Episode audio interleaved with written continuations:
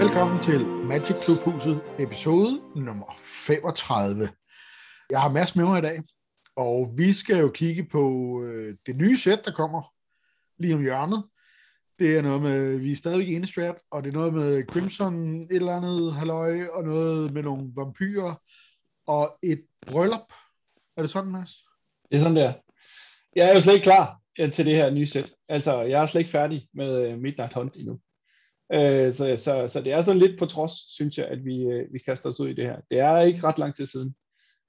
Og det virker endnu mere fjollet, når vi så skal fortsætte i det samme, på det samme plane, det samme sted, øh, Innistrad. Altså, øh, men vi tager det med, og, og vi, øh, der, er, der er der også en masse nye ting, som vi skal kigge på, og vi kommer til at bruge... intet. Øh, altså, ikke udover lige præcis det der med Øh, altså jeg kiggede lidt for Jesper Eising har set, han har lavet nogle nye kort øh, til det, ikke? Øh, ja. Blandt andet så kommer der vist en Swords to Plowshares, tror jeg. Nå, der kan man bare se. Eller også er det til noget Commander, han har lavet det, det ved jeg ikke. Måske. Ja, Men det tror jeg. Der var, der var i hvert fald, øh, han har postet nogle, øh, nogle af de her øh, Crimson øh, kort, øh, efter de blev revealed. Ja. Øh, og så, så så jeg lige de her ting, de havde op jeg tror, man fik en bryllupsinvitation. Ja, nogen gjorde i hvert fald. Ja. Dem, altså, der dem, er, dem er os, der var inviteret til det. Ja, det er alle de vigtige, alle de vigtige content creators, de får sådan en. Ja, det er det. Den har ikke, det, har, det har ikke været forbi mig, men det må være en fejl. men i hvert fald så var der noget video noget med nogle, en skuespiller, det var hende der, der spillede med i øh, den der True Blood. Ja. Øh, og jeg så lidt af det, og jeg, jeg altså, du er honestly, Ja. Nej. Altså, jeg skulle ah, faktisk ikke så, ikke så solgt på det der øh, vampyrhalløj. Jeg var heller, jeg er heller ikke sådan lige så bit af midt. Ligesom jeg er sådan aldrig rigtig kommet helt i gang med det der Midnight Hunt. Øh, det der dag og nat så det kunne jeg sgu ikke rigtig lige vende mig til. Øh, og nu ved jeg så slet ikke, hvad der kommer til at ske her. Kører vi stadigvæk noget dag og nat? Eller, jeg eller synes, hvad? der skal være, det, jeg synes, vi kan sammen lige sige, det skal du nok få svar på, og så tager vi det hen ad vejen. Okay, fedt. ja. Men det er i hvert fald det, vi skal kigge på i dag. Og jeg er spændt, ja. fordi at jeg er faktisk helt blank. Jeg aner overhovedet ikke, hvad der kommer af nye mechanics, eller noget som helst. Jeg håber, der kommer et eller andet sjovt, som sådan, så jeg bliver øh, overrasket på, på sådan en, en positiv måde. For lige nu, der har jeg det sådan lidt sådan, okay, det gik sgu stærkt. Ja, ja. med... ja, jeg, jeg, jeg tænkte hurtigt med uh, Midnight Hunt, det her det bliver kedeligt. Man skal bare drafte blå sort, og, og, og det kommer alle til at gøre. Og når vi drafter quick draft, så kommer vi til at være, kommer jeg til at møde blå sort dæk. Altså. Sådan har det heldigvis ikke været. Og faktisk så har jeg selv draftet, vi draftede jo det der vampyr dæk, da vi draftede med robotten sidste gang. Ja. Øh, som gik meget godt, faktisk. Og øh, så har jeg draftet et øh, rødt-hvidt dæk, som jeg ikke havde prøvet at drafte nu i Midnight Det gik sådan okay. Øh, og så har jeg fået et trophy med grønt-sort, som ellers også skulle være en af de dårlige farvekombinationer. Så jeg føler, at der er masser at udforske endnu, og, og sådan, men øh, det må jeg jo gøre på et senere tidspunkt. De kommer heldigvis igen på arena, de her øh, øh, formater øh, med, med mellemrum, så, så det, ja. jeg, må jo, jeg må jo vente og se.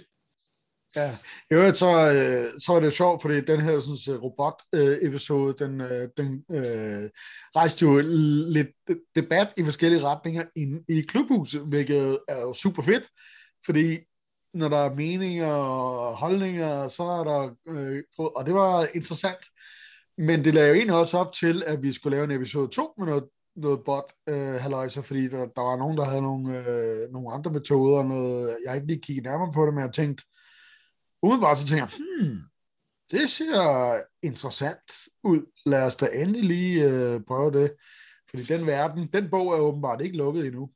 Nej, jeg tænker også, når vi er kommet godt i gang med Crimson Vow, så får øh, robotterne en chance mere til at overbevise os med bare en anden en andet firmas øh, øh, bud på øh, sådan en, øh, en draft picker der. Så øh, ah. det, det har vi i skuffen til, ja. til senere. Og så skal man jo sige uh, Magic Klubhuset på DK, hvis man gerne vil være med, og hvis man gerne vil have nogen at spille med, og snakke med om Magic. Hvad mødtes I i søndags? Øh, søndags var vi ikke øh, rigtig nogen, der mødtes, men på søndag ja. har øh, Thor fra Klubhuset tilbudt at øh, spille en Sealed, hvor vi åbner sealpoolen sammen. Vi sidder på Discord, og så deler han sin skærm, og så kigger vi alle sammen med i korten, og så kommer vi alle sammen med bud på, hvordan kunne man sætte den her sealpool sammen til det bedst mulige dæk. Og det tror jeg bliver rigtig, rigtig sjovt. Fordi vi kommer alle sammen til at se på kortene med, med friske øjne, og uden at, øh, at vi ved ret meget hver især. Så øh, det, det tror jeg bliver rigtig godt. Øh, øh, der er også øh, en øh, Midnight Hunt papir draft øh, på vej, som jeg fornemmer det derinde. Øh, Rigtigt, ja. Anton, Anton har i hvert fald øh, inviteret til det. Øh, og jeg skal til pre-release på fredag på Crimson Vow sammen med Thomas. Og hvis ikke det hedder for klubhuset, så har vi helt nok heller ikke øh, fundet sammen og fundet øh, hinanden. Det er det. Og, Så- og, så der er jeg rigtig meget- at tage med, hvis jeg kan Ja. slippe afsted med det. Ja. Og hvis, hvis min kone ikke hører podcasten her, inden at jeg... Nej, nu må vi se.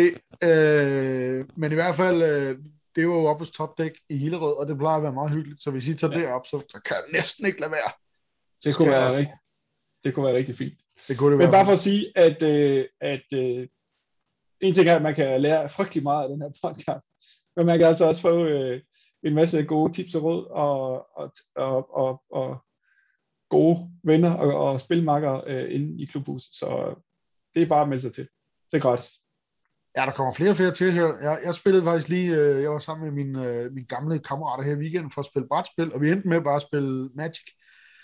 Øh, altså, vi spillede også lidt brætspil, men, men vi sluttede af med simpelthen bare at spille nogle runders øh, Magic, hvor jeg havde min, øh, den der Jumpstart øh, Cube, hvor jeg jo ikke engang har specielt mange øh, Jumpstart pakker, vel, men, øh, og det fungerer bare skide godt. Altså, Jumpstart ja. til, hvis man lige hurtigt skal spille noget Magic, og man er nogen, der måske ikke har prøvet. Der var en, der aldrig havde prøvet det før, og så var der nogle af os, der lige havde, havde spillet øh, lidt, ikke? Ja, Øh, men der er det bare genialt, altså. ja. Jamen, det, var- øh, det, det, det var skide hyggeligt. Så sad vi der og spillede noget Magic, og øh, det var, hurtigt at komme i gang med, og hurtigt at pakke sammen igen, ikke? Så, ja. Så kører bussen. Det var fedt. Ja. Jeg er stor, stor fan. Jeg glæder mig til, at der kommer øh, ny Jumpstart. Det gør der vist nok på et eller andet tidspunkt. Ja, må ikke? Ja, jeg, jeg tror i hvert fald, at, øh, at de har brug for en eller anden form for intro øh, til nye spillere, og det virker som om, det har fungeret rigtig godt med det her, så det vil være mærkeligt andet, end de ikke øh, gentog succes. Jamen, jeg mener, at øh, Mikkel op fra øh, Top Deck, der snakkede med ham, han sagde, at, øh, at øh, der havde været lidt utilfredshed med, at der, har, der kunne godt lige have været lidt foil og lidt andet, øh, sådan Okay. lidt bling, i de der pakker, som Ja. de vist, vist nok skulle have taget til efterretning. Ja. Så det bliver en lille smule mere sweet. Ja. Nu åbner de der, og jeg var sådan lidt, nå, okay, jeg synes, det var fedt nok i forvejen, men okay, selvfølgelig. Altså, Ja. hvis, hvis der kommer lidt bling og lidt lexi-læk, så er det jo også Så tager vi det med. Ja, så er vi gerne med. Ja. Så øh, fedt, men øh, det var det. Altså magicklubhuset.dk, så kommer man ind til vores Facebook-gruppe, og så er det bare at join og være med og øh, tage del i løjeren. ja, Skal vi øh, give den gas med nummer det gør vi. Jeg deler lige min skærm, og vi skal nok sørge for, at dem, der lytter med, at de bliver øh, holdt, øh, holdt, øh, holdt i hånden, sådan så at, øh, at de ikke går glip af noget. Øh, vi kommer til at... Det Øh, kan jo også, altså, vi har det jo også på YouTube, så hvis Ja. man lytter, så kan man også gå ind og finde uh, Magic Klubhuset på YouTube og se det. Ja. Men vi prøver at speak det så godt som muligt, så øh, alle kan være med. Vi kommer til at præsentere nogle kort, men vi skal nok læse dem op, øh, så folk har en idé om, hvad de går ud på. Øh, Crimson Vow. Øh, vow betyder jo løfte, og Crimson er et eller andet med noget rødt, ikke? Jo. Øh, en afret af rød. Øh, så det er et rødt løfte, og hende i, øh, vi ser på billedet her, hun hedder Olivia Voldaren og er vampyr. Og øh, hvis vi skal jeg lige kunne gå videre øh, i teksten her. Øjeblik. Ja. Olivia Voldaren, øh, hvis vi lige skal rise historien op, hvor vi slap øh, i Midnight Hunt, og hvor vi er på vej hen, så, øh, så er hun en vampyr, øh, som kommer fra Voldaren-familien. Vampyrerne er delt op i sådan forskellige familier eller klaner øh, i Innistrad, og øh, Olivia spillede lidt en hovedrolle i øh, Midnight Hunt, eller efterspillet til Midnight Hunt. Øh, der skulle jo være den her store Harvest Tide Festival, som var, øh, vi skal sige, for dem, der ikke kender Innistrad, et frygteligt sted. Øh, masser af monstre, øh, der er vampyrer, der er varulve, uh, zombier, og jeg skal komme efter dig. Og de stakkels mennesker, de lever i evig frygt for at blive uh, enten øh, suget blod fra, eller flået op af vampyrer, eller det der er værre. Øh, Forbundet deres snørbånd sammen, og vi ja. til sådan en gal Frankenstein-type, der laver dem op til et eller andet. Og få buksevand, og jeg skal komme ja. efter dig. Så, så de har det lidt hårdt, og derfor så havde de besluttet sig for, Øh, øh, det, det er nemlig noget med, at der var gået uorden i, øh, og, og der skal vi længere tilbage i historien, det, det gør vi ikke så meget af, der var gået uorden i øh, månefaserne, og det her med, hvornår det blev dag og nat, og øh, de havde sådan et håb om, hvis vi nu kunne få det til at være øh, dag hele tiden, så havde de her monstre ikke så let spil, og så kunne vi ligesom holde dem på afstand, og så kunne vi måske få en lille smule fred og ro for alt det her onde her. Så de havde arrangeret den her øh, festival, Harvest Tide Festival, hvor øh, planen var, at de skulle øh, aktivere den her Celestus, som var sådan et, et, sådan et stort skulptur, et stort apparat, der ligesom kunne, kunne holde månen i skak. Øhm, og øh, måden, de ville gøre det på, det var, de ville lave sådan en øh, ceremoni, hvor de tog øh, The Moon Silver Key, en nøgle, og drejede den, så de ligesom aktiverede øh, The Celestus. Og øh, det, der skete det, at øh, lige da festen skulle til at kulminere, så blev de overfaldet alle sammen af varulve så, eller, som, som, øh, og ulve, som smadrer hele festivalpladsen og dræber en masse mennesker og øh, sætter kaos i hele. Heldigvis er der en, øh, et menneske, øh, et ulvemenneske, der hedder Arlene Kort, som øh, var, er opfostret blandt ulve, og egentlig på den måde var på deres side, men hun er også menneske, så hun havde ligesom, og hun valgte ligesom side, og hun sagde, jeg vil hjælpe menneskene. Så hun fik jaget alle de her varulve øh, væk, og øh, hun fik også tilkaldt øh, superhelten i Magic-universet. Så hun hedder Baloo. For noget? Så hedder Baloo. ja, de, de hedder jo The Guild Watch, eller The Gate Watch, undskyld, øh, som er sådan en sammenslutning af planeswalker, der rejser rundt i tid og sted og hjælper der, hvor der er brug for det, og opretholder balancen i universet, og jeg skal komme efter dig. Den fik hun lige øh, hævet nogle stykker af øh, til Fairy og Chandra og øh, nogle andre som jeg ikke lige kan huske. Kaja var der en, der hed, i hvert fald. Dem sagde hun lige, kan I ikke lige komme og hjælpe, vi har lige et problem. Og ved fælles hjælp, så lykkedes det dem at få øh, vristet øh, Moonsilver ud af vampyrernes varetægt, og de skulle lige til at sætte gang i det her, øh, øh, øh den her ceremoni, øh, da de havde fået Jarl Varulven væk. Så gå hjælp mig om ikke Olivia Voldaren flyver ned, stjæler nøglen og stikker af. Og øh, så er der bare evig mørke på den her planet. Så lige nu er vi der, hvor øh, det er mørkt hele tiden. Vampyrerne sidder tungt på magten. De har sågar krævet, at menneskene skal, skal aflevere en skål blod hver dag, sådan så de kan, de kan øh, så de ikke bliver overfaldet. Det er ligesom, det er ligesom sådan noget afpresning. Ikke? Hvis ikke I giver os en skål blod, så kommer vi og, og bider jer i halsen. Ikke? Ja. Og samtidig har hun fået de her øh, øh, ego power trip, hvor hun vil være den mest magtfulde vampyr på hele, på hele, i hele øh, øh, Innistrad. Og måden hun vil gøre det på, det er, at hun vil gifte sig. Og det er der, vi har brylluppet, der kommer ind. Hun har simpelthen fået overtalt øh, den gamle Edgar Markov, øh, som vi ser i midten af billedet, øh, til at, øh, øh, øh at de skal giftes, og på den måde så bliver øh, Voldaren-klanen og Markov-klanen ligesom de to mest magtfulde klaner bliver smeltet sammen, og så har vi ligesom, så har vi ligesom sat på plads, hvem det er, der bestemmer øh, blandt vampyrerne på Innistrad. Så der er sendt invitationer ud, og der er lagt an til det helt store bryllup, og, øh, og øh, det, det, de, der er selvfølgelig nogen, der ikke er helt tilfredse med det. Øh, øh, Sorin, som er Edgars barnebarn, har hele tiden været sådan lidt et, øh, et udskud blandt vampyrerne, fordi at han øh, øh, ligesom gjorde det til sin mærkesag, at hvis vi nu lader være med at er så øh, hårde ved menneskene, så løber vi aldrig tør for, øh, for nogen at, at, at suge blod fra. Hans påstand var, at hvis vi bliver ved med at drive rovdrift på dem, så er der ikke mennesker tilbage, og så dør vi også.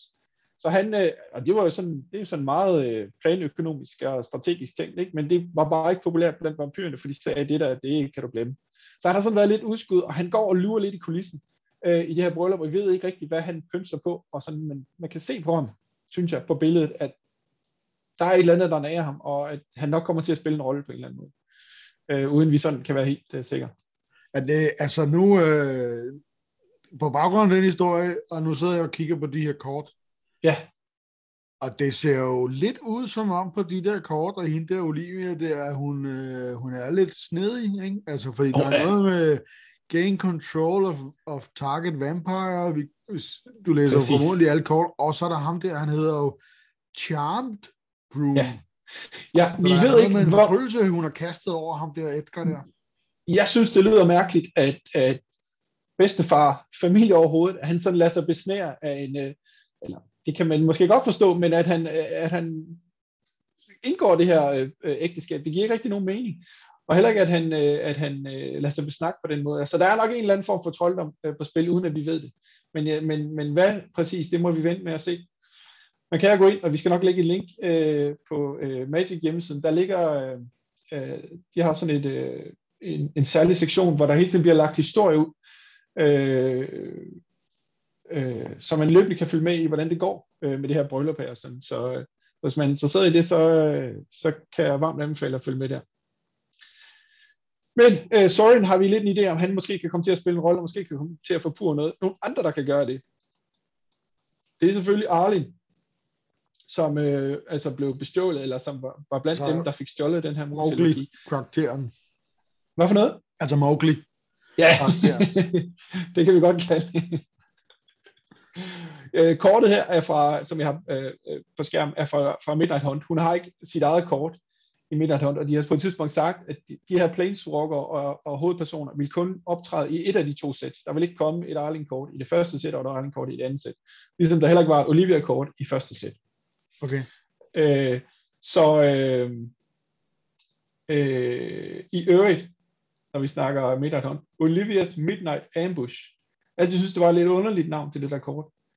Men det var jo fordi, at hun fløj ned og ambushede de, dem her, der havde øh, den her Moonsilver nøgle og fløj væk igen. Så det er faktisk refereret til et, et, et, et, et punkt i historien. Jeg vælger. Ja, ja. Arlin har, har jo som sagt fået hjælp af Kaja, øh, Planeswalkeren, og Chandra, som er hende her ildkaster Planeswalkeren. Ja. Øh, og de har bestemt ikke øh, ladet sig slå ud af, at de mistede Moonsilver Keyen. Og uden at jeg igen ved, hvad der skal ske, så er der noget, der tyder på, at de har tænkt sig at øh, crashe det her wedding her. Ikke? Øh, og, og ja, med det der, Kaja, hun er, har ligesom er udstyret med sådan en armbryst, formentlig med nogle øh, øh, træ, øh, øh, Træspyd. øh, ja, jeg, jeg, jeg ser sådan lidt, øh, hvad hedder den, øh, From Dusk Till Dawn for mig, Ja. det her kæmpe store øh, vampyrforsamling, der bare bliver øh, plaffet ned øh, fra ende til anden af de her øh, vores hovedpersoner. Øh, Chandra hedder også Chandra Get Dressed to Kill, ikke? Åh oh, ja, Hun har taget fint tøj på til brylluppet, og så kommer hun ellers bare og... Øh, så bliver der ballade, du. ja, Så, Så bliver det- der bare det- med hvidløgsvand og øh, ud Ja. med træpinden og alt muligt. jeg, øh, jeg, jeg glæder mig til at finde ud af, hvad der sker i hvert fald. Har vampyrer egentlig sådan noget med ild? Er de også sådan lidt, du ved, man, man kan brænde dem? Nej, Ja. de er jo mest sollys, ikke? Er det ikke det? Altså er det ikke sådan mest, de, de brænder selv, hvis man stikker en pind i dem? Oh, det ved jeg simpelthen ikke. Det ved jeg ikke.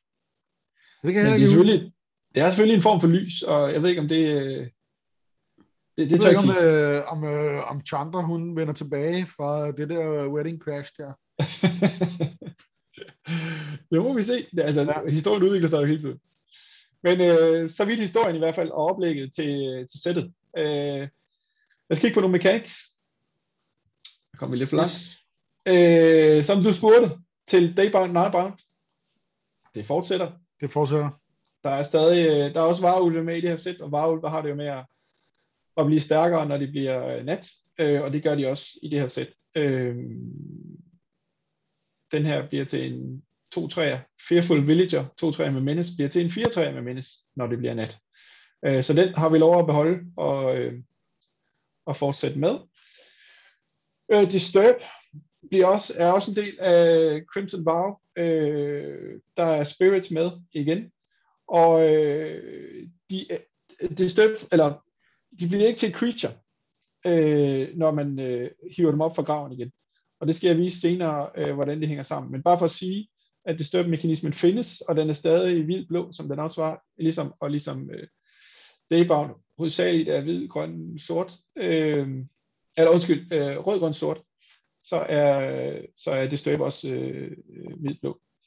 Øh, vi mister Coven, eller Coven er ikke med, øh, og det samme er Decade. Øh, de her zombier, der, der, der, der dør, når de har angrebet. Okay. Øh, de zombie tokens, der bliver lavet i Crimson Vow, de er to, almindelige to toer, øh, som ikke dør, når de har angrebet. Øh, og Coven, øh, som sagt, øh, er der ikke noget af.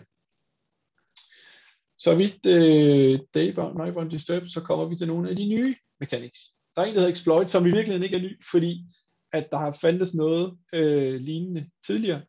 Øh, men det fungerer på den måde, at når et creature med exploit øh, kommer ind på battlefieldet, så kan man sacrifice et dyr af sin egen, og så sker der et eller andet øh, ekstra, udover at, øh, at dyret kommer ind på battlefieldet. Vi har en øh, Stitched Assistant her, to colorless og en blå. Øh, when Stitched Assistant exploits a creature, scry one, then draw a card. Det er en 3-2 i Det er fedt. Altså, jeg må indrømme, det, det, jeg synes, der er fedt ved det her Innistrad, det er det der Frankenstein, halløj. Det synes jeg, altså, der er altså ret god flavor på, øh, nu kan man selvfølgelig ikke, hvis man lytter med, se det der kort, men det der Stitched Assistant der, det ser, altså det, det, er en, det er en halvsløj uh, zombie, der er blevet udstyret med sådan lidt uh, sådan halv robot, halv, uh, halv uh, hvad hedder ham der, Uncle Dread, uh, eller hvad det var for den gamle serie der, ikke? Det, det, ja. det er gode farver og sådan noget, ikke? Det, det er fed uh, flavor der.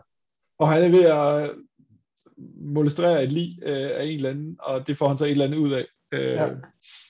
øh, hvad hedder det? Meget stitching over det, ser det ud til i hvert fald. jeg ved ikke, hvordan jeg vil få ham lappet sammen igen. Nej. men i hvert fald, så kan man det, altså som sagt, man kan bare spille den som en øh, 3-2 for 2, men øh, hvis man har et, et creature, man kan sacrifice, så, øh, så kan man altså få øh, lov til at scry en og trække kort imens. Så det er exploit. Øh, og typisk øh, er det noget zombie blå-sort. Så har vi noget, der hedder training, som er helt nyt. Øh, og det er i virkeligheden den omvendte øh, af det, der hedder mentor, som var med i en af Ravnica-sætten. Mentor gik ud på, at når et mentor creature angreb sammen med et creature, der havde en lavere power end mentor creature, så fik creature med lavere power øh, plus, en, plus en plus en counter øh, ideen var, at den her mentor jo ligesom trænede et, øh, et, en, et mindre erfaren dyr, eller et, et øh, ja, et mindre erfaren dyr op, og ligesom så det bliver stærkere. Her har vi så den omvendte, hvor at hvis det her creature, der har training, angriber sammen med en creature med højere, så får den plus 1 plus 1. Så det er sådan set den samme mekanisme, men det, det, det er bare formuleret på en lidt anden måde. Øhm, og her i det her tilfælde er det Apprentice Sharpshooter, øh, to colorless og en grøn for en 1-4 med reach. Og så har den som sagt training, så hvis den angriber med et creature, der så bare har power 2 eller større, så får den 2-5. Og så gælder det selvfølgelig næste gang, at creature, det andet creature skal have en power på 3, hvis den skal ryge op på en, have en plus 1 plus 1 counter mere. Øhm. Nå ja, for den får en counter, det er ikke bare until end of turn. Nej, det er simpelthen en counter. Øh, og det har også betydning, fordi plus en plus en counter også betyder noget i, øh, i human øh, arketypen, som vi også kommer til. Ah. Øh, så har vi noget underligt, noget lidt halvunderligt, noget der hedder Cleave. Øh, Cleave er sådan en uh, alternativ casting cost på et kort. Og vi kan tage eksemplet fra uh, den, der hedder Dig Up, som normalt bare koster en grøn, og så hedder den Search your library for a basic land card, reveal it, put it into a hand, then shuffle. Det er jo sådan lige ud af landevejen. Men så er der så nogle firkantede parenteser rundt omkring nogle af ordene. Øh, og øh, hvis man betaler cleave-kosten i stedet for den almindelige casting-kost, så kan man få lov at fjerne de der parenteser. Nå ja, det kan godt se. Og på den måde, så kommer kortet til at hedde Search your library for a card, put it into a hand, then shuffle. Det vil sige, det behøver ikke være et basic land card, og man behøver ikke at reveal det. Det koster til gengæld også en colorless, to sorte og en grøn. Øh, så, så det er lidt dyrere, men man øh, får så også et bedre spil, spil ud af det. Der er nogen, der har sammenlignet den her øh, øh meka- mekanik med kicker, hvor man jo ja. havde et kort, man bare kunne spille for sin almindelige kost, og så kunne man betale en ekstra øh, kicker-kost, og så skete der noget, øh, noget mere, når man spillede det her kort. Øh, og det er ikke sådan helt det samme. Øh, og det kan vi se, det kan vi se for eksempel med det kort ved siden af, der hedder Alchemist's Gambit, som, som koster en colorless og to røde, uh, for at tage et ekstra turn after this one. During that turn, damage can't be prevented. Og at the beginning of that turn's end step, you lose the game. Altså hvis man spiller den for den almindelige kost, så skal man ligesom vinde i ekstra turen, eller senest i ekstra turen, eller så tager man spillet. Hvis man betaler cleave-kosten, som jo så er fire colorless, to blå og en rød, så, øh, så dør man ikke øh, efter den her ekstra tur her. Så øh, får man lov at fortsætte, øh, hvis ikke man har vundet inden da. Øh, og, og det der er specielt her, og som man kan se, hvor det for eksempel også adskiller sig fra kicker, det er, at her kan man nøjes, cleave-kosten kan man nøjes med en rød, hvor at øh, den almindelige kost, der havde man altså to røde øh, pips. Øh, hvor at en kicker vil være noget, der ligger oven i øh, den almindelige kost. Så der, på den måde adskiller det sig, at man ligesom kan lave nogle, nogle andre øh, casting costs for den alternative kost. Og så er der det der med, at det er en alternativ kost.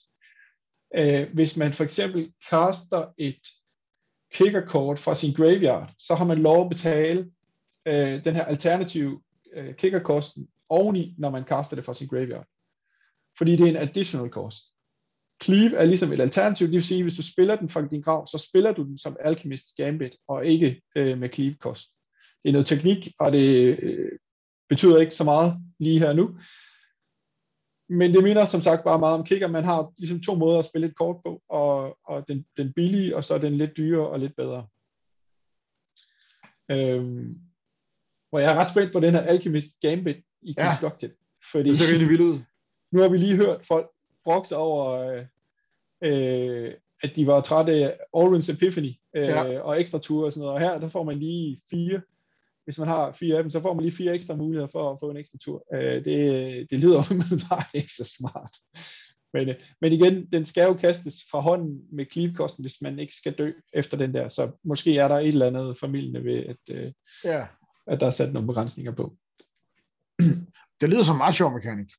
Ja, men det, øh, og, det, og, og øh, altså, det gør da også, at korten er meget mere brugbar, fordi at man kan forestille sig, at den, den dækker op for eksempel, hvor man kan få lov at få et basic land card øh, for en grøn, jamen den kan man sagtens bruge tidligt i spillet, og så når man kommer senere hen, så vil man måske gerne bare have et eller andet kort, som man godt kan bruge. Og så, så, så det giver sådan en, øh, ved ikke, hvad det hedder, modalitet, eller en, en øh, flere valgmuligheder i hvert fald for, og, øh, at, den, at den lige præcis er der, når man har brug for den til, til, til det, øh, det sted i spillet, man er.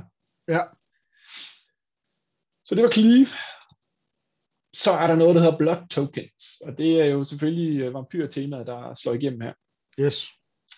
Blood Tokens er en ny form for token. I kender, øh, vi kender, øh, hvad hedder det, øh, Food Token fra øh, Throne of Eldraine. Øh, vi har andre tokens. Øh, øh, treasure Tokens har vi lige spillet med i øh, Avengers of the Forgotten Realms. Og hvor Food Tokens giver liv, når man sacrificer den, og, og Treasure Tokens giver mana, når man sacrificer den, så bliver blot altså til sådan en rummage-effekt. Man betaler en, discarder et kort, sacrificer blot Token, og så trækker man et kort. Så det er i udgangspunktet, og hvis man bare tager det for det, det er, så er det en måde øh, senere hen i spillet at veksle landkort, øh, eller bytte, smide landkort i graven, og så hive øh, forhåbentlig et spil, øh, man kan spille, øh, og som giver mere mening, øh, op på sin hånd. En måde at filtrere sin, øh, sit dæk øh, sent, sent i spillet på. Øh, og vi har et eksempel på øh, et creature her, Blood Petal Celebrant, en af de her øh, brudepiger, eller Ja. en af de her vampyrer, der går og kaster med, med blomster for bruden. Hun koster en colorless og en rød for en 2 etter, og hun har first strike, når hun angriber. Og når hun dør, så skal man create en blood token. Uh, umiddelbart så var jeg måske ikke så imponeret af de her blood tokens, fordi jeg synes det der med, at man både skal betale en mane og skarte kort, for at tage en kort, måske var sådan lidt, øh, lidt tungt, og måske, jeg havde måske sådan svært ved at se, at det skulle gøre en stor forskel. Men man får lov at discarde et kort, og det kan der være nogle fordele i, fordi der er nogle af arketypen, der bekymrer sig om, hvad der ligger i ens graveyard. Ja. Øh, så på den måde kan der være en idé i, at, man, at det faktisk ikke er en omkostning at discarde kort, men det er noget, man faktisk gerne vil have ned og lægge i sin graveyard. Øh, og det andet er, at der så også er nogle, nogle uh, creatures, som, som, hvor der sker et eller andet, hvis man sacrificer et blood token. Øh, øh, nogen, der er en vampyr, der giver et liv, når man sacrificer en blood token. Og der er, sådan, så, og der er også nogen, der bliver bedre, jo flere blood tokens du har. Sådan noget. Så det er sådan en ressource, som der er nogle øh, payoffs på, øh, og som man kan, ligesom kan bygge sit dæk omkring, men i sig selv er de måske ikke så meget værd. Øh, lidt ligesom vi måske også havde det med zombier i Midnight Hunt. Det er fint nok at have en 2-2 zombie, øh, der ikke kan blokke, og som dør, når man angriber, hvis man kan bruge den til andet end at angribe, øh, for de der to skader der, ikke? Ja. Ja, jeg, jeg er spændt på at se, hvordan det øh, spiller ud, og hvordan, om de der blood tokens, hvad, hvad for en rolle de kommer til at spille. Om det er noget, man bare skal have i sit dæk, eller om det er sådan lidt, nå ja. Øh, det, det er selvfølgelig hovedsageligt rød-sort øh, vampyrfarverne og vampyrdækket. Det her, det er, det er en ting. Så. Så er vi nået til arketyperne. Og når vi snakker om arketyper, så mener vi de 10 øh, farvepar, man sådan i udgangspunktet kan drafte. Det er jo sådan, at Wizards øh, laver et nyt sæt, så kigger de altid på de her 10 farvekombinationer. 10 måder undskyld, to farver sammen på. Øh, så prøver de altid at lave et eller andet tema for de her øh, farvekombinationer, som man så ligesom kan bygge sit dæk op omkring, eller som i hvert fald bliver sådan en, noget, som de øvrige kort så sådan mere eller mindre øh, kan lave noget synergi med. Og ved at kigge på de her øh, som øh, et fint udtryk hedder signpost uncommons, de uncommons, der har, øh, der, der er 10 uncommons, der har øh, hver sin, øh, i hver sin fagkommission, så får man lidt idé om, hvor øh, øh, den, lige præcis den kommission, øh, hvad den gerne vil øh, i det her sæt. Hvis vi starter med blå-hvid, så er det som sagt Disturb stadigvæk, ligesom i øh, Midnight Hunt. Øh, men det er lidt anderledes, øh, fordi at hvor i Midnight Hunt, når man øh, spillede Disturb, øh, når Disturb Creature røg i graven, så kunne man spille Disturb Cost, så kom der et nyt creature op af graven. I øh, Crimson Vow er det altid en enchantment, en aura. Undskyld. Så, så når et Disturb Creature dør, så kan man spille det igen øh, ved at smække en aura på et andet creature. Øh, eksemplet her hedder Lantern Bearer. Øh, hvis vi tager, øh, hvis vi lige ser bort fra Uncommon, øh, den, den koster kun en blå, og en 1 flyer. Øh, når den dør og ryger graven, så kan man spille den. Så kan man få to colorless og blå spille den disturb øh, kost. Og øh, hvis man gør det, så kan man øh, spille en aura, der hedder Enchanted Creature gets plus en plus 1 and has flying. Det vil sige, at man ligesom øh, øh, lader et andet creature øh, for flying, i stedet for øh, Lantern Bearer. Øh, og det er måske i midten kunne man snakke om, at man fik to kort ud af det ene kort, fordi man kunne spille det to gange. Og problemet med en, en charm, en aura, er, at hvis man spiller det på et creature, og creature bliver removed, så har man ligesom mistet både creature og aura. Ja. Og, og på den måde, så er det måske øh, svært at kalde en 2 for 1. Det er måske en 1,5 for 1, eller sådan et eller andet. Øh, men fordi der samtidig også er noget, nogle payoffs på, hvis man har øh, spiller en enchantment, eller hvis man spiller, øh, øh, og nu kigger vi på Brian Comer, den her øh, signpost uncommon, øh, den har en colorless, en hvid og en blå for en editor. Når den kommer ind på battlefield, eller bekommer, øh, bliver target of an aura spell, så kan man øh, lave en 1 hvid spirit creature token with flying. Og så du får faktisk forestille... ekstra, hvis du smider den aura ja. på den der Brian Comer, så, øh, så får den plus 1 plus 1 og bliver en 2-2 flyer, og så får du en 1-1 flyer samtidig. Ja, ja. Det er derfor, at umiddelbart lyder det dyrt for en 3 mana for en 1-1'er, men, men hvis ellers ens øh, dæk er bygget op omkring det, så kan det hurtigt blive til, til mange 1-1 flyer, hvis, øh, hvis man gør det. Så det er øh, øh umiddelbart virker det måske ikke så kraftfuldt, som, som, som Disturb gjorde i Midtjylland, men øh, det må vi vise, det må vise sig, om det, det holder vand. Næste øh, arketype er blå-sort, og øh, det er simpelthen exploit, og vi fortsætter med zombier som det gennemgående tema, ligesom der var i midten. Ej, det er jo en zombie-krakken. Den er ret fed. Ja. Det er en uh, Rot-Tide Gargantua. Hvis vi lige starter med, uh, med dens marker og uh, Uncommon, der koster en blå og en sort, og en 2-2 zombie, som hedder en Skull Scarp, så siger den, whenever a creature you control exploits a non-token creature, create a 2-2 black zombie creature token. Det vil sige, hver gang man udnytter den her exploit mechanic ved at sacrifice et non-token creature, så får man altså en zombie creature token. Øh, vel at mærke uden decay, så det er en, et 2-2 creature, man får ud af det. Og, øh, og, og hvis man ellers øh, kan gøre det nogle gange, så kan man også få bygget noget af en øh, zombie herop, øh, skulle, jeg, skulle, jeg for, skulle jeg mene. Øh, noget, jeg forestiller mig bliver et rigtig populært uh, exploit creature, det er netop den her zombie kraken, der hedder Ruptide Gargantua. Den koster tre colorless og to sorte for en 5-4. og når den exploit, når den, uh, exploit a creature, så må each opponent sacrifice a creature. Uh, det er da meget rart at få en 5-4 og et minus et dyr på den anden side Ja. uh, ud af det. Plus Øh, Ja, to, hvis man har skoldskarp ind. Ja. Eller nogle af de andre, for der er en masse andre øh, payoffs på det. Og så kunne jeg ikke stå for Wretched Throng, som er sådan et øh, underligt zombie horror creature. En colorless og en blå for en 2 1 Det er jo ikke noget. Men når den dør, så må man search sit library for et card named Wretched Throng, reveal it, put it into your hand, then shuffle. Det vil sige, hvis man har Wretched Throng på bordet, spiller et exploit creature og exploiter Red Throng, og man så har en anden Red Throng i sit kort, så kan man hente den ud af sit library, putte den i sin hånd, og så er den sådan set klar til at blive sacrificed igen. Så, eller exploited igen. Så hvis man kører ex, øh, exploit, så er, det bliver lidt ligesom øh, hvad hedder den der sifter. Der var en 1-2, nej, nu har jeg, den hedder en, øh, et eller andet sifters, uh, som øh, bliver, får en plus en plus en counter fra Midnight Hunt, som får en plus en plus en counter på, når man spiller et, øh, en spirit, øh, eller smider en spirit i graven, eller hvordan er det. Som også bliver bedre, jo flere man har af dem. Så på samme måde som den her, hvis du kan, hvis du kan drafte sådan en 4-5 stykker af dem, så, øh, så, øh, så, kan du, øh, så kan du få en rimelig god øh, øh, hvad hedder sådan noget, kædedans op at køre Ja. øh, med dem.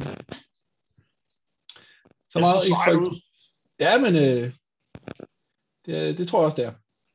Så har vi Vampires, som altså er sådan centreret omkring de her blood tokens hovedsageligt. Øh, vi har øh, Uncommon, der hedder en Blood Tide Harvester. Det var den her, det var den her øh, skål med blod, som jeg snakker om, som de skulle øh, aflevere til vampyrerne. Den, det er altså ham, der Det er simpelthen den. skatteindkræveren, ham der. Ja, det kan man godt sige. En sort og en rød for en 3-2'er. Øh, 3-2 vampire. Og når den enters the battlefield, så skal man create, kan man create a blood token. Og hvis man sacrificer Blood Tide Harvester, så kan man give target creature minus x minus x until end of turn, hvor x er dobbelt, øh, det dobbelte antal af blood tokens, man controller. Så der har man altså en fordel af at beholde så mange blood tokens, og ikke sacrifice dem. Fordi jo mere man har, når man sacrificer Blood Tide Tide Harvester, jo større et dyr kan man øh, gøre det af med. Så der er også et payoff på det. Øh, vi har også en vampyr, der hedder en Blood Crazed Socialite. Tre colorless og en sort for en 3-3 med menace. Og når den enters the battlefield, så creater man også en blood token. Og når den så angriber, så må man sacrifice en blood token, og hvis man gør det, så får den plus 2, plus 2 until end of turn. Så det er altså et sted, hvor man så skal sacrifice det.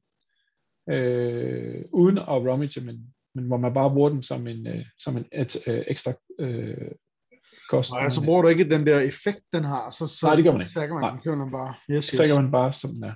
Okay. Ligesom man også kunne bruge food tokens i Throne of Eldraine til at gøre forskellige ting. Ja. Hive den her kat ind, for eksempel. Øh, belligerent Guest 2, colors og en rød for en 3-2 Trampler. Og når den dealer combat damage til en player, så kan man create en blood token. Så den kan altså producere øh, ideelt set øh, en hver tur, øh, som man så kan bruge til alle mulige andre ting. Som sagt, det, det bliver spændende at se med de der blood tokens, om det, om det kan noget, og om Hvad så er der belligerent guest, hvis man kigger på kortet der, så er det sådan en lidt, lidt halvsur Ja, fyrdame. Er det, det er en, der er simpelthen ved at lave en scene til det her bryllup, ligner det. det ser sådan ud, ja. Og så går hun amok op i baren og smadrer øh, den store... Øh, eller hvad er det? ja, ja, et eller andet. Ja. Og, og, og hun har nok fået lidt for meget øh, type 0 blod, eller hvad, Ja. hvad sådan nogen drikker. Nå. Øh, Varulve var jo ikke rigtig noget sådan en stor hit i, øh, i Midnight Hunt, eller det, det blev sådan lidt klodset og lidt tungt, men øh, vi prøver igen. Øh, og den her gang ser det måske ud som om, som om det er lidt mere, øh, lidt bedre, øh, forstået på den måde, at der er meget øh, sådan noget synergi. Øh, man, får, man får mere ud af at have flere varulve og ulve, øh, fordi der er nogen, øh, der ligesom får et payoff på, øh, hvor mange ulve man har, eller at man har flere ulve, eller sådan noget. Øh, Child of the Pack er jo så i virkeligheden Arlin, ikke? Det er, det er Arlin-kortet. Øh, Arlin, da hun var lille og blev opfostret af de her ulve.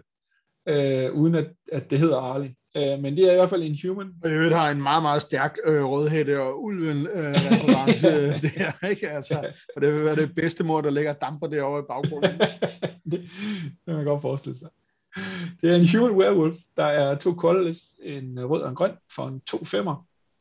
Og hvis man betaler to colorless og en rød og en grøn, så kan man create en 2-2 green wolf creature token. Og så er den daybound, og når den så bliver nat, så bliver det lige pludselig til en 5-5'er. Øh, og så er der en ekstra, er det, er det alle ulve, der får plus 1 plus 1? Det kan jeg ikke huske, jeg har ikke lige fået bagsiden med. Men det er i hvert fald, øh, det, det, er, det er et rigtig godt kort at bygge rundt om, i forhold til så at få en masse øh, ulve og varulve og andet øh, godt. Fordi der er for eksempel en Hungry Rich Wolf, en colorless og en rød for en 2-2 wolf. As long as you control another wolf or werewolf, a hungry rich wolf gets plus 1 plus 1 uh, øh, plus 1 plus 0 and has trample. Og på samme måde, at the beginning of combat, øh, så er der en, der hedder Pack Some Pop, en colorless og en grøn for en 1 At the beginning of combat on your turn, if you control another wolf or werewolf, put a plus one plus one counter on Pack Some Pop. When Pack Some Pop dies, you gain life equal to its power. Så der, det virker som om, der måske er mere basis for at lave et varulv dæk her, øh, end der var i Midnight Hunt. Øh, øh, og jeg tænker også, jeg synes, jeg så nogle constructed werewolf decks, der måske lige mangler det sidste, men de må jo få nogle flere brækker til puslespillet her, øh, i forhold til at lave et, øh, et standard øh, dæk måske. Altså, jeg kan ikke lade være at tænke på, om de kommer til at lave en eller anden form for øh, sådan noget draft-format, hvor man drafter begge sæt. Men det gør de. Nå, okay. Øh, der kommer noget, der hedder double feature. Kan du huske det der, hvis de vil lave, de har, det har de allerede sagt nu, øh, i øh, januar kommer der noget, de kalder double feature, hvor de tager øh, kort fra de to sæt, blander sammen og laver et sæt ud af det, og så får de alle sammen sådan en speciel, øh, øh, hvad hedder sådan noget, øh, sort-hvid øh, horror movie øh, øh, artwork, Øh, det bliver, så det bliver de samme kort, men det bliver med nye artwork. Helt nyt artwork og i en helt bestemt stil og så videre. Og så er det ellers ting som et sæt, man bare skal drafte. Det er ikke, øh, der, der man selvfølgelig, man, man må også godt bare åbne pakkerne, men det er lavet som et draft set, så, så der bliver igen øh, 10 arketyper, som man så kan drafte, og, og, og altså det, det kan måske et eller andet, tænker jeg, i forhold til, at så kan de gøre de der arketyper endnu skarpere, og de kan samle øh, netop øh, de bedste, eller Øh, altså det bliver udgivet altså, som, øh, som pap, simpelthen? Ja, ja, og det bliver også øh, lavet på Arena, og det eneste, ja. jeg ikke kunne finde ud af, det er, om de laver det som, øh, om de laver det som, øh, øh, øh, øh, det der, man kalder Phantom Draft, hvor man bare drafter uden at få kortene. Ja. Øh, fordi det, det er så lidt, drafter man så bare øh, øh, det her artwork, eller drafter man selve kortet, eller jeg tror, jeg vil tro, at man bare drafter kortene for at spille med dem og så får man nogle øh, præmier, hvis afhængig af, hvad man klarer sig og sådan noget. Ikke? Okay. Øh, men det har de ikke helt, det har de, det har de ikke sådan fortalt så meget om noget. Andet at det kommer både øh, øh, på papir og på arena. Så det bliver lidt sjovt at se, øh, hvordan de to sæt spiller sammen. Yes. Jeg kan også forestille sig, at man lavede sin egen cube med øh, Midnight Hunt og Crimson Varkort og lavede sit eget øh, bud på, hvordan sådan et øh, balanceret draft set kunne se Ja. Nå, grøn-hvid, det er humans. Øh, og øh, humans, vel at mærke med training og plus en plus en counter, som vi snakker om før.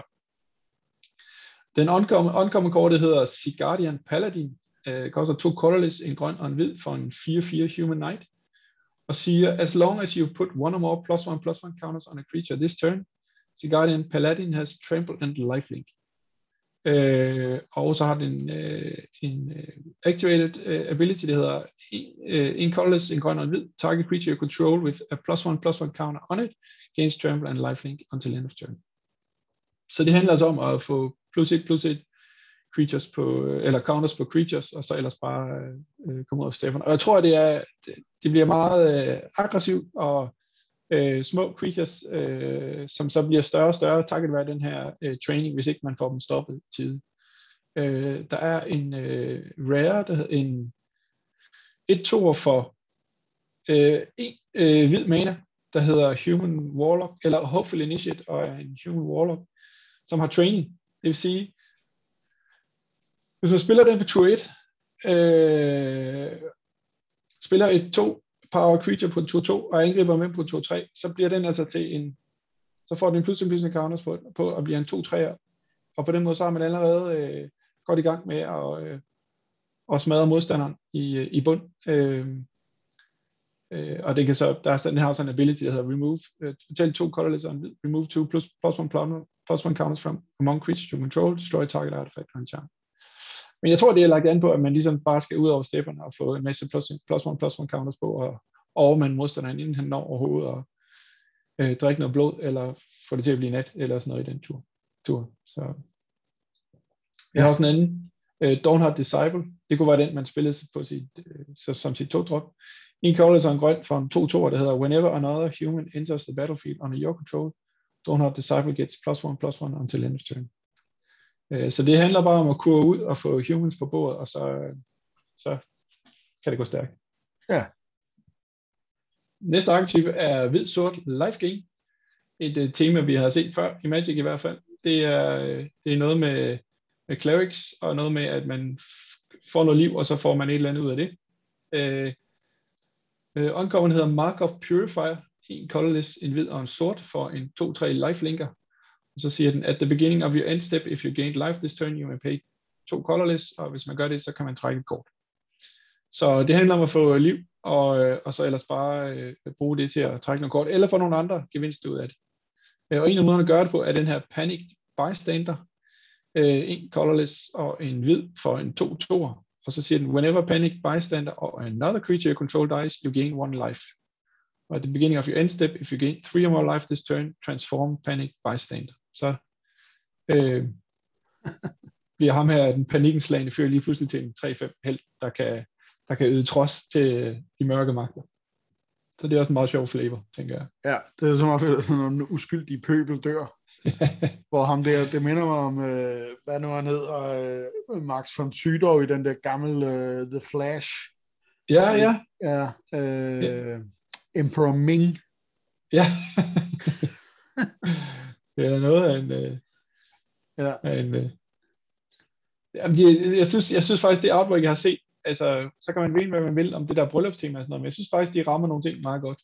Øh, flavormæssigt i hvert fald. Ja, det ser, det ser temmelig, øh, temmelig vildt ud, det der, deres vampyr get up der. Ja.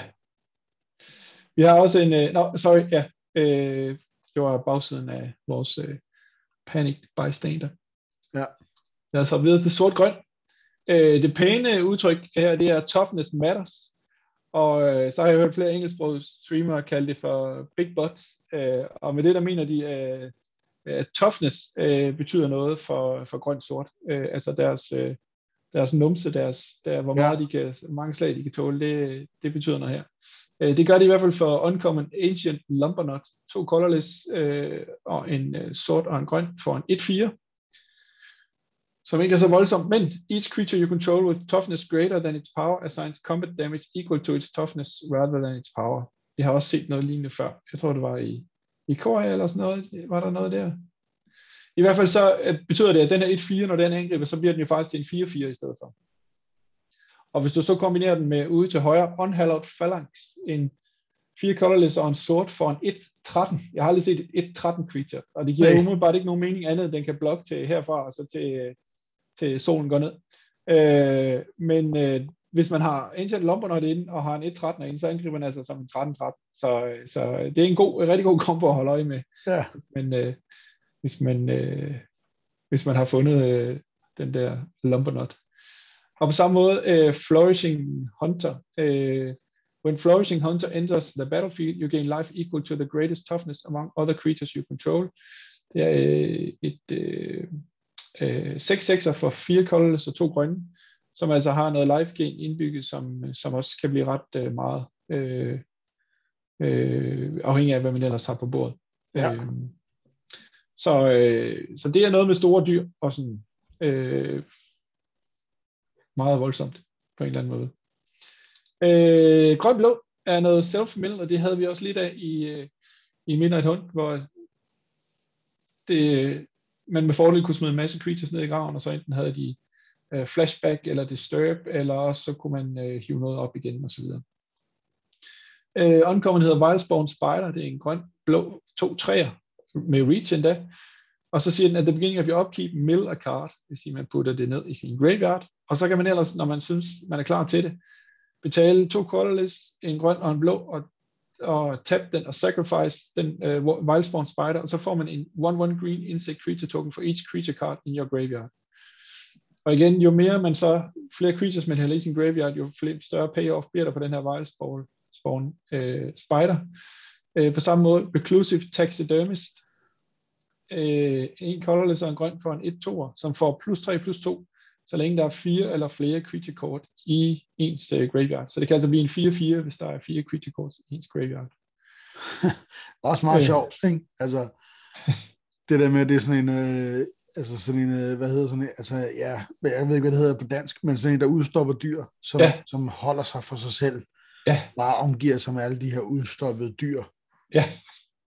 Ja, det er lidt creepy. Ja.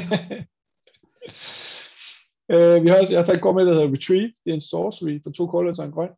Return up to one target creature card and up to one target non-creature permanent card from your graveyard to your hand. Exile Retrieve. Der har man igen fordel af, at der ligger en masse i ens graveyard, som man kan hive op. Jeg har også set nogle kort, hvor man så skal remove ting fra ens graveyard, og det er umiddelbart godt, at man så har nogle ting, hvis der ligger noget i min graveyard, man kan så er der noget, man remove fra, men det spiller måske dårligt ind med for eksempel Wildspawn Spider, at man jo helst skal have så mange creatures som muligt, og hvis man så remover noget, så gør man Wildspawn Spider lidt dårligt og sådan noget. Ja. Jeg tror, jeg tror begge dele, altså man kan selvfølgelig vælge at, at satse på at smide det hele i graven og ikke hive noget op, eller så kan man vælge at hive noget op, og så droppe alt det der med at fylde ens graveyard det må vi se, når, det, når, det, når, når vi får det draftet og ser, om det, om, om det enten skal være enten det ene eller det andet, eller man godt kan lave begge dele, altså øh, at de fungerer fint øh, øh side om side. Det, det bliver vi lidt klogere på. Spells Matter har vi også set før i rød-blå, altså at instance og sorceries øh, udløser en eller anden trigger, som, øh, som øh, kun bliver bedre, jo flere af dem man har i sit dæk. Øh, Uncommon hedder Wandering Mind. Øh, en colorless, en blå og en rød for en 2-1 flyer. Og når den enters the battlefield, så kigger man på sin seks øverste kort i sit library. Man må tage et non-creature, non-land card fra dem, og uh, blandt dem, og put it into your hand, put the rest on the bottom of your library in a random order. Øh, så hvis ikke man har nogen, og, ikke, og vi skal sige, det hedder, det hedder non-creature, non-land card. På samme måde så siger Whispering Wizard, whenever you cast a non-creature spell, create a 1-1 white spirit creature token with flying. This ability triggers only once each turn. Det vil sige, at et øh, enchantment eller et artifact faktisk også øh, trigger her, øh, og ikke kun instance og sorcery, som vi har været vant til. Ja. Og det samme kan man sige om Kessig Flame Breather, en colorless og en rød for en 1-3, som siger, whenever you cast a non-creature spell, Kessig Flame Breather deals one damage to each opponent. Øh, jeg forestiller mig, at det der med non-creature har noget at sige, på grund af det der med Disturb, der laver øh, enchantment, auras, øh, og hvorvidt artifacts spiller nogen rolle, det har ikke sådan det store indtryk af, at det gør, men der er selvfølgelig artifacts med i, øh, i sættet. Øh, Rød-hvid, øh, det er det, det plejer at være. Agro, Øh, og så et lille undertema, der hedder noget med to creatures, altså at man angriber med to eller flere creatures. Så er der også en eller anden bonus på det. Øh, hvad hedder det? Øh, Uncommon hedder Markov Walter, to colorless, en rød og en hvid, for en e 1-3 flyer med haste. At the beginning of your combat, on your turn, up to two target creatures you control each get plus 2 plus 0, eller plus 1 plus 0 until end of turn. Og det er derfor, den, er, den ser lidt understated ud, som man siger. Altså, en, en, en e 1-3 for, for 4, øh, en e 1-3 flyer med hest for, for 4 mana er åbenbart lidt dyr, men den kan jo give sig selv øh, plus 1 plus 0, så det bliver en 2-3 flyer, plus at der så er et andet, et andet dyr også, der får plus 1 plus 0. Øh, Alluring Suitor, uh, to colors og en rød for en 2-3 vampire, som siger, when you attack with exactly two creatures, transform it. Så det er altså det er en, øh, en 3-3, der har en eller anden bonus oveni. Uh, og endelig yeah, Angelic have this dance. ja, lige præcis. Angelic Quartermaster, tre colors, en hvid og en hvid, for en uh, øh, 3-3 Angel Soldier med flying. Når den enters the battlefield, plus a plus, put a plus one, plus one counters on um, each of up to two other target creatures. Øhm, jeg forestiller mig, at rød-hvid også bliver noget med, lidt ligesom øh, øh, hvid-grøn, og komme ud over stemmerne ret hurtigt, og få sat en masse skade ind med nogle, øh, med nogle små creatures. Men, men jeg synes måske, det der det er sådan lidt mere øh, blurry, hvad fordelen ved at gå rød-hvid frem for, øh, for grøn-hvid øh, skulle være. Øh, man kan selvfølgelig stadigvæk med de hvide og med training kan man få de der øh, dyr, der snowballer, øh, hvis de bliver ved med at angribe nogle større dyr, men øh, mm. øh, umiddelbart ser det, ser det grøn-hvid måske lidt bedre ud. Øh. Ja, så var det det. Så, øh, så har vi gennemgået øh, de nye mechanics, vi har gennemgået øh, de 10 arketyper, og vi har fået et lille ris af historien, og hvorfor vi øh, endnu en gang er havnet på øh, i det skrækkelige sted, som de kalder for Innistrad. Ja, hvad, øh, altså, ja, yeah. altså det eneste, der er sådan lidt øh, forvirrende for mig, det er sådan det der nat og dag, halløj, ikke? Ja. Men, jeg synes ikke, der var så meget med det nu her. Altså, udover vareudvildene, Nej. så er der ikke så meget. Jeg tror, det spiller mindre en rolle, også, også fordi det spiller ikke særlig stor rolle i historien heller. Øh, ja. I midten var det ligesom omdrejningspunktet, at de skulle prøve at få styr på nat og dag. Ikke? Ja. Og der var en artefakt, der, der kunne lave om på nat og dag. Og sådan noget. Det har vi ikke øh, i det her sæt. Øh, øh, så, så den del af det øh, er udelukkende et spørgsmål om, at, at det er ligesom vareulvenes øh, eksistensberettigelse, at de, øh, at de bliver bedre, når det bliver nat og dag. Øh, og det kan måske også betyde, at, øh, at øh, altså der, at der faktisk at der er spil, hvor det der er nat og dag slet ikke, øh, hvis ikke der er nogen, der spiller rød eller grøn, og ikke sådan rigtig går den vej, så kan det være, at det slet ikke øh, rigtig, altså i, øh, i midterhånd er der både, er der i hvert fald blå kort, der laver nat om til dag. Der er også hvide kort, synes jeg, jeg mm. huske, og, sådan, så, og sort kort vil også sådan, altså der, der var det sådan hele sæt hvor det er undersprung. Her er det kun beregnet på varulve, så, så der bliver mindre holdt styr på, kan jeg berolige dig med. Ja. det, det ser også ud som om, at det måske er en lille smule nemmere at splashe. Øh, forstået på den måde, at Evolving Wilds er med igen. Der er grønne, øh, både creatures og instance og sorceries, der kan hive øh, lande op. Og så er der helt to artifacts af de der tre colorless, der kan lave øh, øh, øh, any color of mana, når man taber dem. Øh, en i common og en i uncommon. Så, så der er noget, der tyder på, at det måske kan være øh, at man kan eksperimentere lidt. Og jeg har også set, altså nu snakker vi om, at sort-hvid var live gain, men der er også live gain i grøn. Så måske var det en idé at spille sort-hvid og splash noget grønt ind. Mm. Øh, jeg har også set de der vampyrer, der er også en del, øh, øh, faktisk noget hvidt, der, der er hvide vampyrer, og, og noget der, der spiller ind. Jeg siger, måske skal man spille rød, hvid, sort vampyr. Øh, og endelig, øh, øh, de her øh, exploit creatures, der er jo et, den klassiske, øh, den der hedder Act of Treason, eller hvad den nu hedder, den der, hvor man stjæler en af modstanders dyr yep. i turn. Hvis man kan stjæle modstanders dyr, og kan spille et exploit creature, som man sacrificer det der, så ja. får man jo value for money for, for den der, man fjerner en trussel. Ikke? Så måske er, der, øh, er det lidt nemmere at spille tre farver, end det har været i Midnight Hunters. Øh, okay. Ja. Nå. Ja, det bliver spændende at se. Hvornår, hvornår ja. er det, altså nu er der, så er der, øh, så er der pre-release i weekenden, og så kommer det... Det kommer på fredag. Det kommer på fredag allerede på Arena. Oh. Øh, ja. Jamen altså, så... han kan stort set ikke nå noget som helst. Nej, nej. det, er, det er virkelig presset.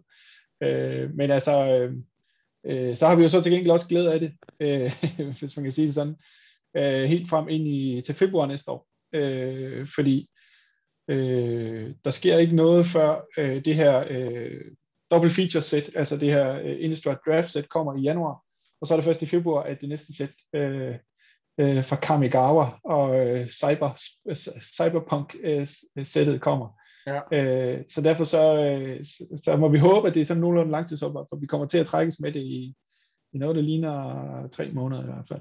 Okay. Hvor at, at Midtjylland vel kun har været ude i lidt over to. Øh, så ja.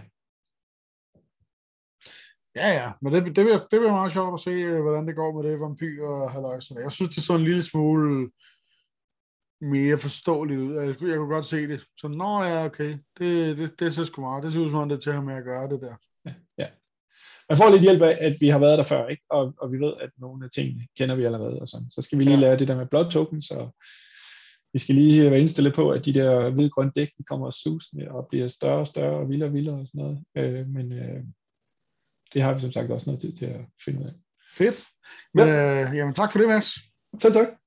Øh, hvis man gerne vil se noget mere Magic content på dansk, som jo er øh, måske ikke verdens største niche, så, øh, så vil vi rigtig gerne se nogle likes og subscribes og kommentarer, og man må også rigtig gerne fortælle, hvad man godt kunne tænke sig at vide om, eller øh, hvis der er et eller andet, man øh, irriteret over, øh, eller, eller et eller andet, man synes, der er spændende, som vi ikke har opdaget endnu, så vil vi rigtig gerne høre det, for vi vil gerne ud i alle kroge og kanter i Magic-miljøet, ikke? Så endelig, og, og i øvrigt også invitere folk med, nu har jeg mødt nogle stykker efterhånden, som kender nogen, der lige kender nogen, eller har en søn, der er begyndt at spille Magic igen, eller noget, ikke? Hvor det er sådan, åh, jamen hvad, og Magic Club, det, men det kender han det slet ikke. Så, nej, nej, men det er det. Kom nu. Ja. Spred ud. Så vi, vi endelig, bliver så glade. Og ja, vi bliver glade, og, og når vi kan også... se, at der er nogen, der lytter, og, øh, og måske øh, særligt, hvis der lige kommer en kommentar, øh, om ikke andet, bare fordi vi ser fjollet ud, who knows, men øh, noget. ja. Yes. Det er godt, Mads. Ja, tak for nu. Vi ses. Vi ses.